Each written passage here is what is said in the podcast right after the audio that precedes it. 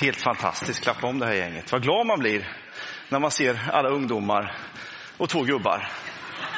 Det är roligt att ni får vara med bröder. Ja. Håll i så länge det varar. Eh, Hörrni, jag har nog aldrig förberett en predikan så länge eller haft så mycket material som jag vill förmedla. Att veta att man på söndag ska predika om uppdraget och sen ägna sig åt en hel veckas studieresa i Paulus fotspår när evangeliet för första gången kommer in i Europa. Vara på de platserna. Eh, alltså, hoppas ni sitter skönt, för det här blir, det här blir långt idag. Ja, jag är inte säker på det. Jag har ett stoppur med mig, det behöver jag inte alltid, men idag känner jag att jag behöver det. Ehm, den röda tråden genom Nya Testamentet och vi har kommit till det då som vi har valt att kalla för uppdraget. Och när vi talar om ditt och mitt och församlingens uppdrag så är det egentligen ganska enkelt och samtidigt så märker vi ju att det är väldigt svårt och komplicerat. Men vår uppdragsbeskrivning, den har vi redan fått. Den finns i Matteus 28, i det som kallas för missionsbefallningen. Jag tänkte att jag skulle läsa det till börja med. Det står så här. De elva lärjungarna begav sig till Galileen, till det berg dit Jesus hade befallt dem att gå. När de fick se honom där föll de ner och hyllade honom, men några tvivlade. Då gick Jesus fram till dem och talade till dem. Åt mig har getts all makt i himlen och på jorden. Gå därför ut och gör alla folk till lärjungar. Döp dem i Faderns och Sonens och den helige Andes namn. Lär dem att hålla alla de bud jag har gett er. Och jag är med er alla dagar till tidens slut. Där har ni det. Så ser våran uppdragsbeskrivning ut. Gå ut i hela världen, gör människor till lärjungar. Döp dem och lär dem. Och om nu den tro som du och jag har är sann, om vi tror att det är det här vi är skapade till, om vi tror att varje människa som kliver in i gemenskap med Jesus kliver hem, blir hel som människa, så borde ju vi använda den där dopgraven varje vecka kan man tänka. Det vore så enkelt, eller hur? Och ändå så vet vi att kyrkan kämpar. I olika delar av världen går det olika bra. I det globala syd är det väckelse som aldrig förr. Och vi här i Norden, jag vet inte om det är kallt eller kargt här. Men vad är det som gör att det där uppdraget vi har fått verkar vara så svårt att få ut ur våra händer? Eller kanske är det evangeliet som ska ut ur vårt hjärta? Det är enkelt, men samtidigt så märker vi ju att det är väldigt, väldigt svårt. Den här veckan så har nästan hela pastorsteamet rest i Paulus fotspår i Grekland. Jag är väldigt, väldigt tacksam till församlingen som lät oss göra detta. Till Pingst, vårt samfund som sponsrade för att sina, sin pastorskår skulle få uppleva det här tillsammans. Vi var 120 pastorer som först reste till Thessaloniki Eh, vi har varit i Filippi och vi har sett det som kanske är den där fängelsehålan där Paulus och Silas satt. Man tror att det är där därför att man har hittat rester av eh, tidig bysantinsk fresk, en, en målning. Man använde det här lilla hålrummet som en plats för tillbedjan redan på 400-talet. Det var nog här de satt. Sen har vi besökt platsen där traditionen säger att den första europeen blev döpt en handelskvinna vid namn Lydia. Och hon var nog kanske den första europeiska kyrkans föreståndarinna. Vi har besökt resten av den rike mannen Jason som förbarmades över Paulus, kom till tro. Han skyddade honom mot det upplopp som väcktes mot dem i Thessaloniki. Sen får vi vidare till Aten besökte Akropolisklippan med alla fantastiska tempelbyggen. Imponerande hantverksskicklighet. Då man för 2500 år sedan reste de här jättelika marmorkonstruktionerna. Och I skuggan av det här Athena-templet, Areopagen, platsen där man höll domstolsförhandlingar eller utbytte filosofiskt tankegods och där Paulus fick predika. Så kom vi till Korint, med sitt Afrodite-tempel som blev någon sorts ursäkt för prostitution och som alltid ett hänsynslöst utnyttjande av kvinnor. Även här blir Paulus anklagad men friad och en församling växte fram. Så vi har studerat ett fantastiskt äventyr den här veckan. Vi åkte bekväma långfärdsbussar, vi bodde på hotell. Paulus fick knega sig fram till fots och till havs. Han verkade få välbeställda vänner här och där. Men ibland så fick han försörja sig genom att sy tält. Och ibland sov han i fängelsehålor. Enkelt uppdrag, men oerhört svårt att förverkliga. Och nu ska vi studera Paulus en del. Det är han som finns beskriven i Nya Testamentet som den store missionären i den första tiden. Det fanns flera. Det var många missionsinsatser liksom som gjordes, men, men bibelordet har liksom fokuserat på det Paulus gjorde. Breven som han sen skickade till sina församlingar som han planterade i, i hela apostlagärningarna. Och här kommer några reflektioner om uppdraget som jag skulle vilja dela med er den här förmiddagen. Men låt oss be först. Herre, tack att du har ett uppdrag till oss. Tack att du har kallat oss vid namn. Tack att du har frälst oss, du har förlåtit oss vår synd. Du har gett oss frid i hjärtat, du har gett oss frid med dig. Du har placerat våra fötter på en fast klippa. Vi bara ber att vi ska få möjlighet att berätta det här för andra. Att leva och tala så att människor förstår vad det är du har gjort med oss, Herre. Välsigna den här stunden vi ber. Jag ber att du ska tala till den som du har ett särskilt ärende till den här morgonen. Du talar till oss alla, Herre. Och vi vill lyssna till din röst. Amen. Amen. Jag vet att en predikan i den här predikoserien handlade om anden och jag höll i den predikan själv.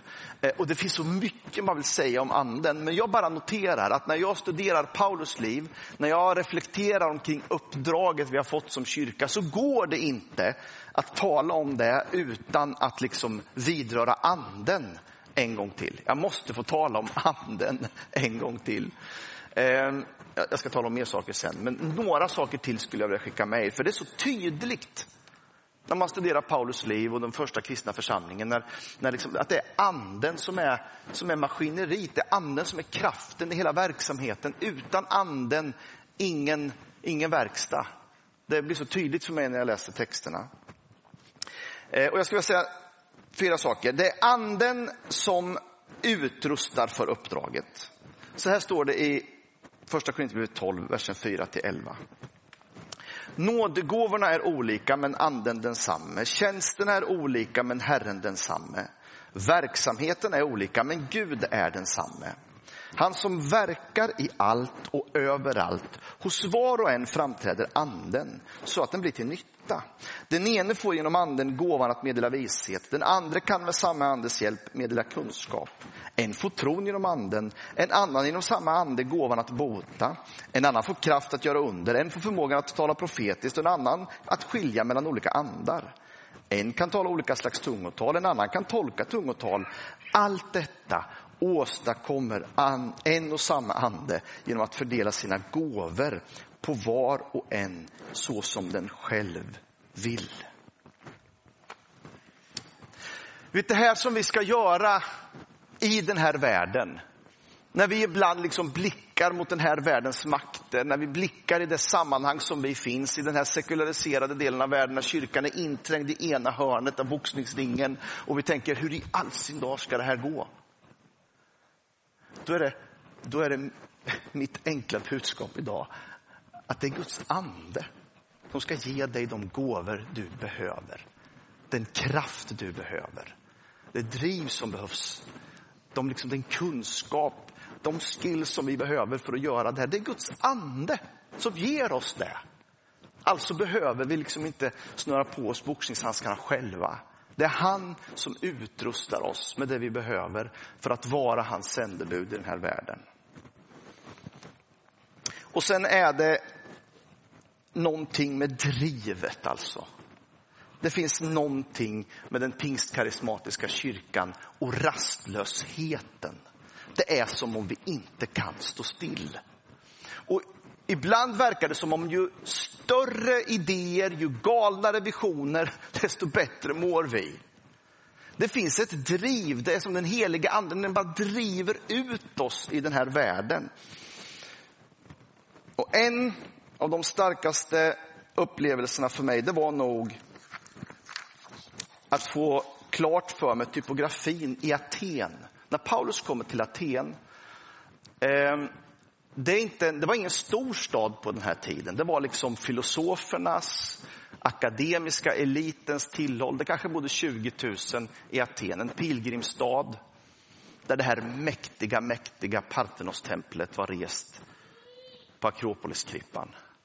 En sån galen ingenjörskunskap för 2500 år sedan. Att mejsla ut de här otroligt vackra bilderna. Jag funderar på vad vi gjorde i Sverige på 500-talet före Kristus. Vi satt i någon koja i skogen och försökte göra upp eld, jag vet inte. Men det var så sofistikerat och så ett lärosäte, ni vet, det är liksom Aristoteles, det är, det är liksom Pythagoras, det är alla de som har levererat tankegods som vi fortfarande mediterar över. Det var här, dit kom Paulus. Och sen när han ställer sig på Areopagen så är det i skuggan av Akropolis. Den där lilla bergsknallen ni ser längst ner, någonstans där. Och sen har man hela den här symbolen för mänsklig vishet, mänsklig kunskap, den är bakom. Mänskliga civilisationens demokrati, demokratins vaggar. det där, det där stora, det har Paulus bak i ryggen när han börjar att predika. Och i ljuset av det här så blir hans ord för mig så mycket starkare. Han blir så mycket kaxigare.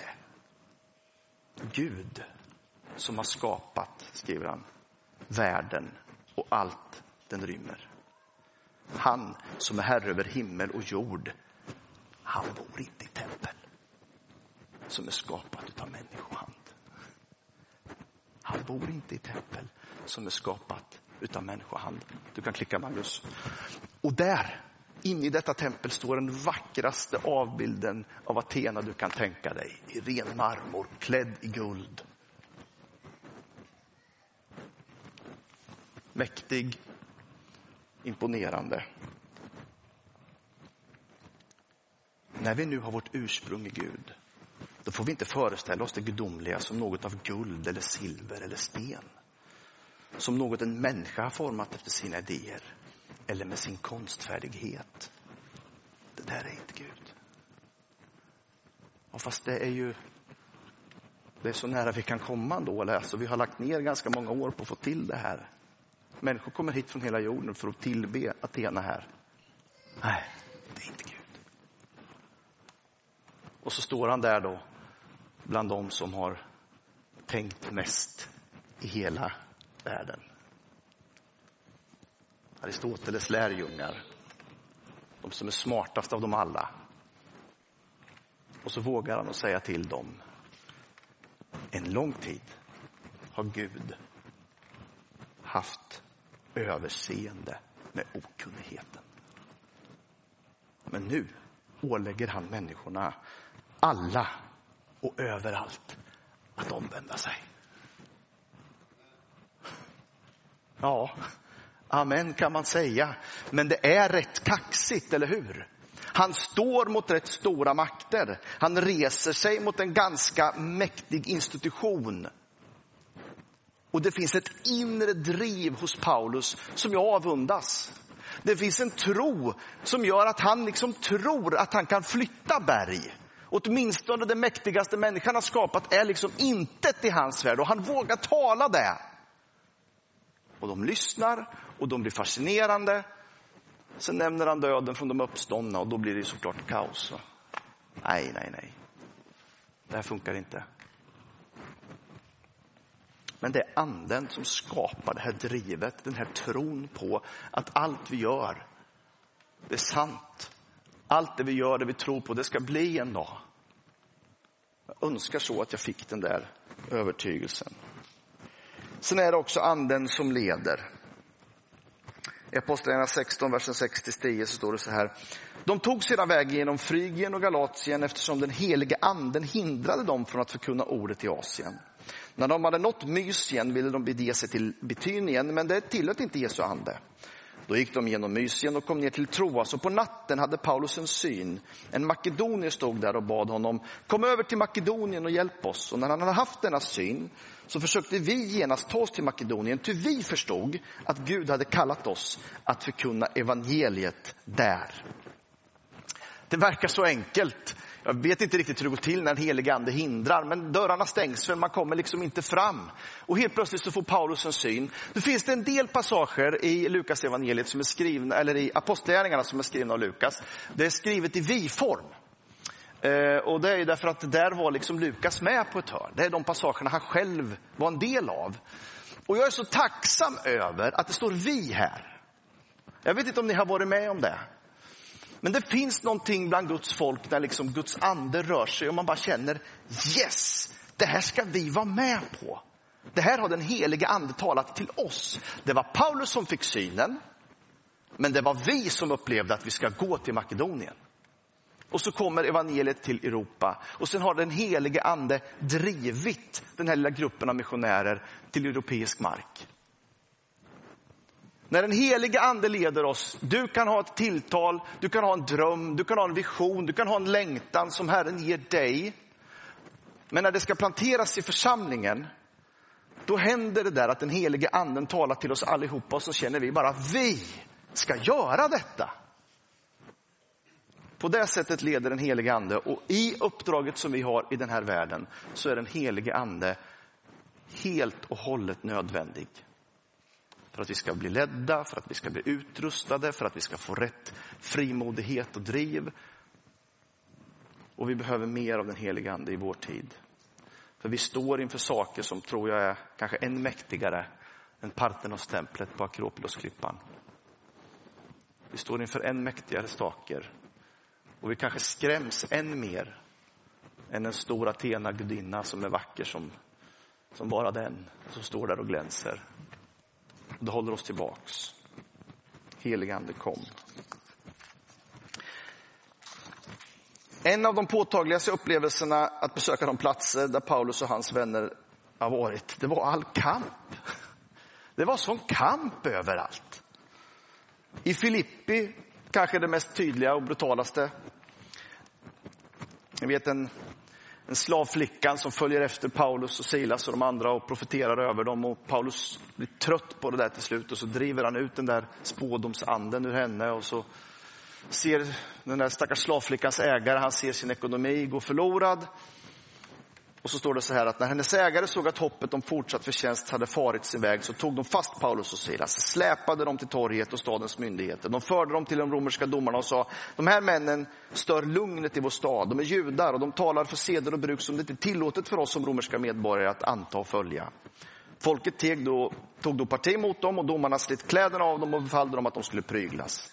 Man gav dem många rapp och satte dem sedan i fängelse och fångvaktarna fick order om att hålla dem i säkert förvar och för den skull lät han dem sitta i det innersta fängelserummet och låste fast deras ben i stocken. De, de blev pryglade för att de försökte förkunna evangelium. Och återigen så är evangeliet i någon mening i, i, i konflikt med det som är de rådande värderingarna. Det är inte tillåtet ens en gång att förkunna. Och i Thessaloniki där blev det också ett upplopp mot dem. Judarna eh, liksom rev upp och de, det sa att de hämtade slödder från gatan och skapade liksom en mobb mot, mot Paulus. Vi kan läsa om det i Apostlagärningarna 17. Och i Korint, samma sak. Det ord och Gaio var ståthållare, står det i Apostlagärningarna 18, 12-13. Då förenade sig judarna i ett angrepp på Paulus och drog honom inför domstolen och, satte, och, och sade att han förledde människorna att dyrka Gud på ett sätt som stred mot lagen. Nu var det här ganska komplext därför att judarna de var fråntagna ansvaret och plikten att tjäna och dyrka kejsaren. Det enda de behövde göra det var att ta en näve aska eller säd och så gå till Caesartemplet och säga att Caesar är herre. Så lägga det där och gå därifrån. Det var det enda de behövde göra. Judarna var fråntagna detta, men alla andra behövde göra det. Då frågan är kristna, när de började dyrka Jesus, de var ju judiska identitet. Behövde de göra det här eller inte? Och det där var ett sätt att sätta dit de kristna. De vägrar att göra det. Och så blev det upplopp efter upplopp efter upplopp. Överallt där kristendomen möter nya kulturer, religioner eller politisk makt så verkar det som om framgång och friktion går liksom lite hand i hand. Människor kommer till tro, låter sig döpas, men det uppstår också avundsjuka och ibland ren grundlös förföljelse. Jag tror inte på att söka konfrontation. Det behöver vi inte göra, men det är så att den här boken, den har utmanat mig på många områden i mitt liv. Den utmanar fortfarande mig på många områden i mitt liv. Det är inte alla områden som är bekväma, det är inte den lättaste vägen att gå alla gånger, men det är den bästa vägen att gå. Och den här boken kommer alltid att utmana vår samtid. Vi söker vägledning för våra liv i den här boken. Och vi vill leva våra liv efter vad den här boken försöker att förmedla till oss. För vi tror att det är det bästa för oss. Och det är klart att när det här förkunnas i den här världen, i andra tidevarv, det har alltid varit så, så uppstår det friktion mot den här samtiden. Och det blir ett motstånd. Jag tror att när vi utövar det uppdrag som Gud har gett oss måste vara beredda på det. Men motgångar kan komma på andra sätt också. Sjukdom, arbetslöshet, trasiga relationer med de som man egentligen älskar. Det verkar som om motstånd av olika slag är liksom en naturlig del av uppdraget. Och kanske ska vi bli lite bättre på att formulera en motgångsteologi. En teologi som håller genom livets tyngre passager. Vem är Gud då? När det inte blir som jag tänkte. Vem är Gud för dig när du inte upplever att han svarar på din bön? Jo, han sitter på sin tron ändå. Han är herrars herr och kungars kung ändå.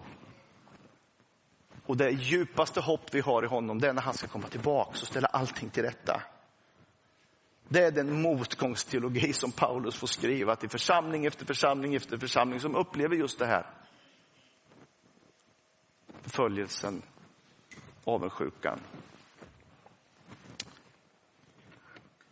Ibland funderar jag lite på vårt bygge.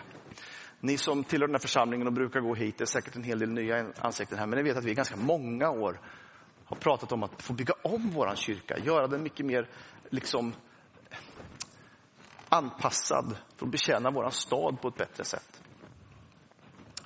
Och vi har haft sånt evigt strul med det där bygglovet. Kommer liksom aldrig igenom på något sätt. Och när vi började de här processerna, då badade vi i pengar. Ursäkta uttrycket. Men alltså våra företag gick bra. Det var liksom ingen jättestor eh, ekonomisk uppoffring att gå in i de här ganska stora projekten. Och nu helt plötsligt när vi står, nu är vi nära. Ja, då går räntan i taket och vi liksom, inflationen skickas iväg. Elen är jättedyr. Vi kanske måste fira gudstjänst med släckta lampor framöver. Jag vet inte, men det är svettigt liksom. Tänk, det har varit bättre att ha byggt för fem år sedan. Eller så är det bättre att bygga nu. Eller så är det så att Gud vill pröva vår vilja, vår uppoffring, vårt engagemang, vår ekonomi, vår bön. Guds hus har alltid byggts i svåra tider.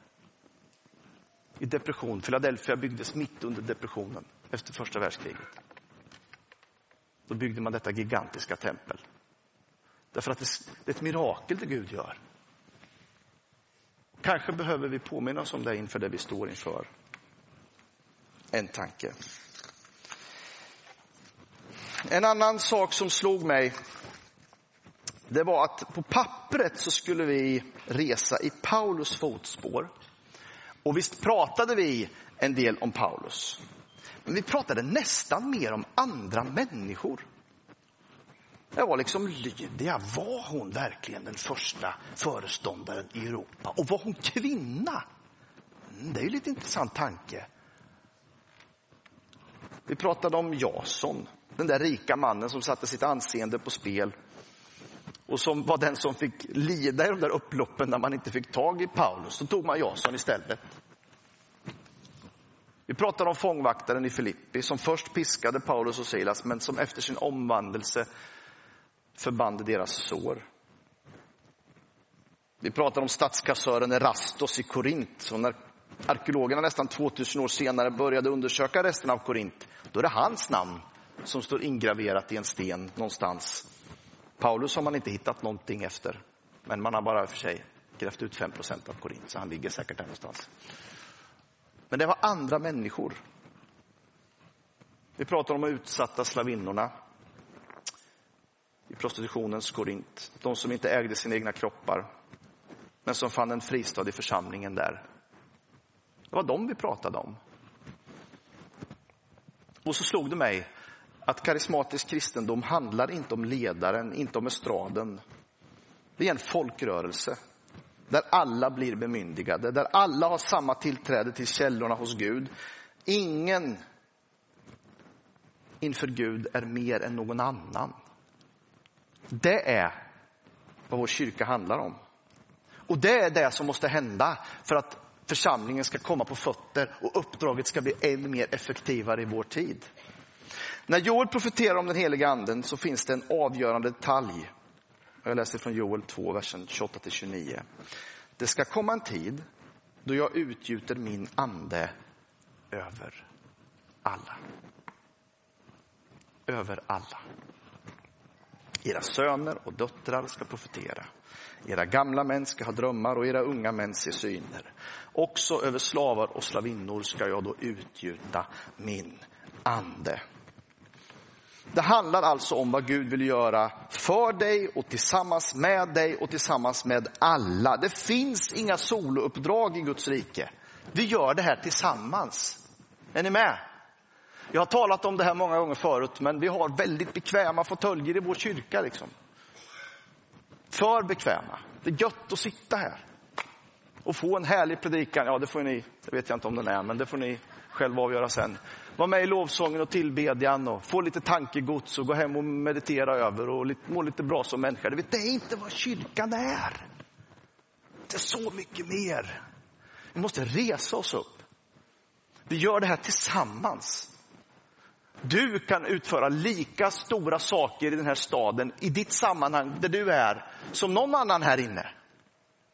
Gud använder alla, också slavar, slavinnor, unga och gamla. Är ni med? Det är vad karismatisk kristendom handlar om för mig. Ett bemyndigande av den enskilda människan. Du kan göra det.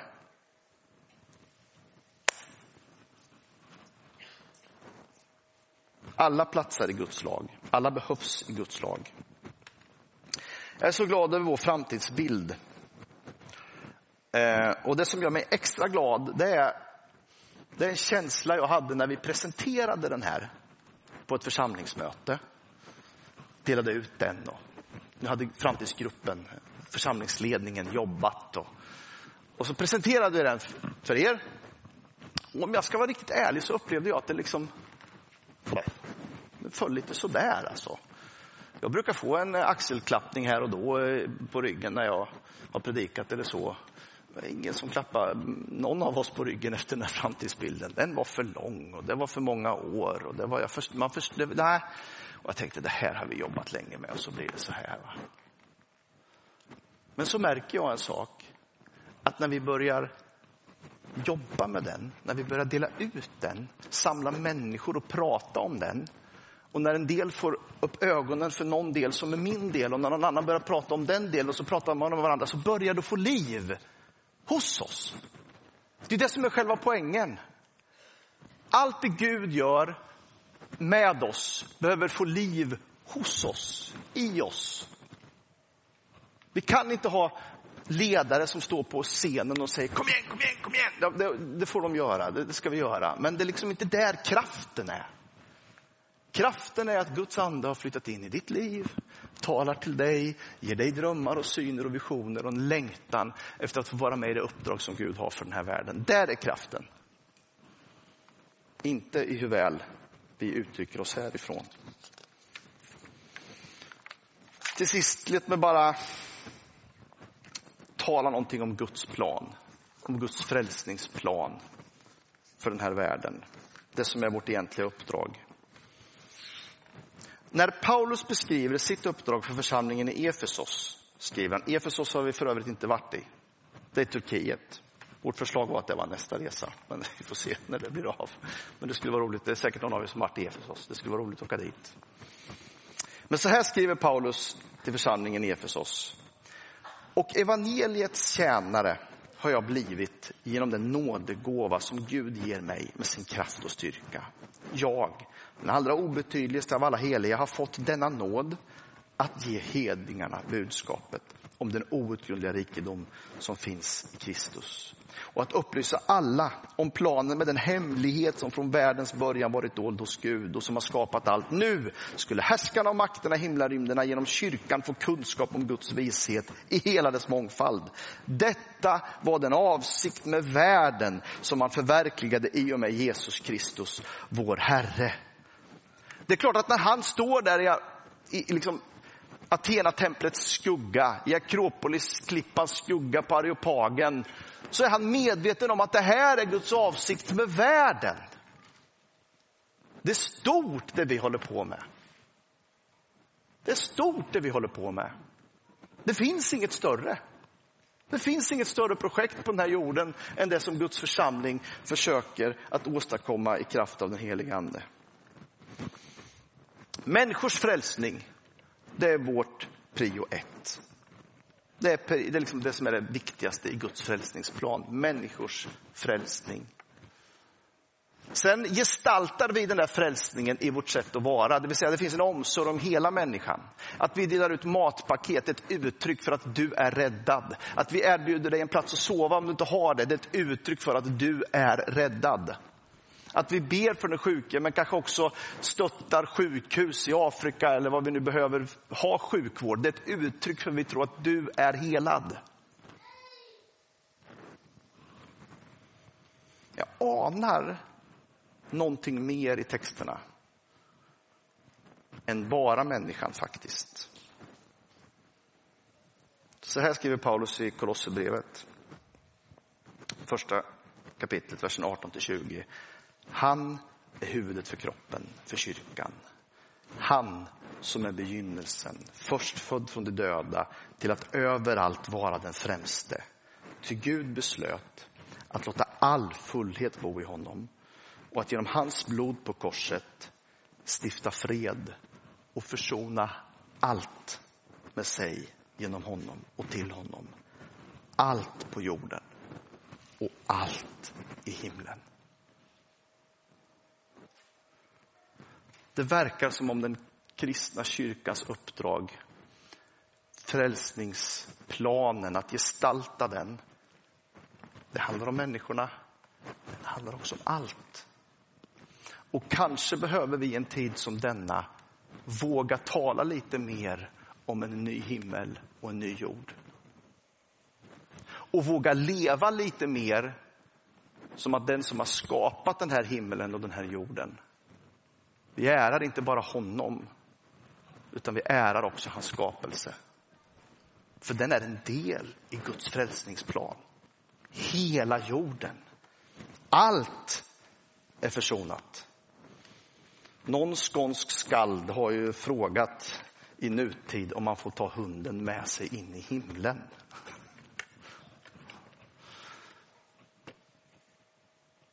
Allt Guds frälsningsplan, den försoningsplan som han har, den, den, den tecknar allt. Och innan Joel profeterar om människorna och anden så profeterar Joel över skapelsen. Och jag, jag, jag, skulle önska att det här fick vara en del av kyrkans uppdrag att predika detta som Joel profeterar. Lyssna, ni ska inte se den här texten, ni ska bara lyssna. För så här profeterar Joel. Ängslas inte, du åker jord, utan jubla och gläd dig. Herren har gjort stora verk. Ängslas inte, ni markens djur. Utmarkens beten grönskar på nytt. Träden bär sin frukt. Fikonträdet och vinstocken ger rika skördar. Och ni som bor på Sion, jubla och gläds över Herren i Gud. För han ger er rätt, regn i rätt tid. Han låter regnet falla som förr, både höst och vår. Ängslas inte, du åkerjord. Vem säger det idag? Vem förkunnar det idag? Jag tror att det är en del av vårt uppdrag. Ska vi resa oss upp i kyrkan? Vet du, vi har fått ett fantastiskt uppdrag.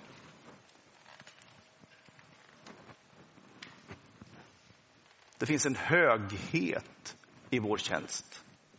En höghet i det uppdrag som Gud har gett oss. Det finns ett allvar. Och jag önskar att vi i den här förmiddagen fylldes av tro på det Gud vill göra i Malmö. Att vi kunde stå mot den här stadens makter lika självsäkra som Paulus mötte upp tänkarna och prästerna i Aten. Länge har Gud haft tålamod. Men nu måste vi omvända oss. Nu måste vi söka Gud. För det är den enda vägen för den här staden. Och att vi talar på ett sätt så folk begriper, att vi lever på ett sätt så folk ser. Och du är inbjuden att vara med. Du vet, den här söndagen, det är bara en batteripåfyllningsplats för dig. Sen börjar ditt uppdrag på måndag, tisdag, onsdag, torsdag, fredag och lördag börjar du bli lite sliten och då får vi komma hit igen och fylla på.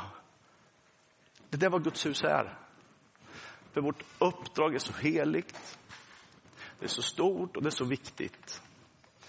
Herren har anförtrott oss så mycket. Och vi måste få möta den helige Ande för att få inspiration och mod och för att det ska kunna bli det han har tänkt för vår stad. Och jag bjuder bara in dig nu att kliva in i det Gud har tänkt för dig. Att våga ta ett steg i tro. Tänk att jag får vara med. Tänk att han har nämnt mig vid namn. Gett mig det här grannskapet, gett mig den här klassen, gett mig den här arbetsplatsen. Där jag ska förkunna. Och vågade Paulus, då ska jag våga. Kom nu i Jesu namn, nu ska vi be tillsammans. Förebedjare finns på både högra och vänstra sidan. Kanske är du här med ett helt annat, det är någonting helt annat som är på din radar den här veckan. Oro för arbete eller hushåll eller relationer eller sjukdom eller vad det än är. Eller kanske kommer du hit i tacksamhet för att Herren har hört din bön. Låt oss få glädjas med dig. Men nu öppnar vi upp den här böneplatsen för alla medan vi sjunger några lovsånger tillsammans. Herre, jag tackar dig för att du har gett oss ett heligt uppdrag i den här staden. Jag tackar dig för att du har gett oss någonting som är stort och högt och heligt, Herre. Och jag ber att vi ska kunna gestalta det där på olika sätt. Du ser vilken mångfald av människor som finns i det här rummet. Vilken mångfald av uttryck, vilken mångfald av förmågor och gåvor du har gett till oss som församling, här. Och vi ber att vi ska komma på fötter i den här staden. Att vi ska kliva ut på måndag och inse att vi är i den högste Gudens tjänst. Vi har ett uppdrag ifrån levande Gud till vår tid, i nutid, Herre. Hjälp oss att navigera, hjälp oss att tala rätt. Hjälp oss att se ditt rike växa i vår stad, Herre, vi ber. Amen, amen. Amen. Varmt välkomna i Jesu namn så får vi be tillsammans.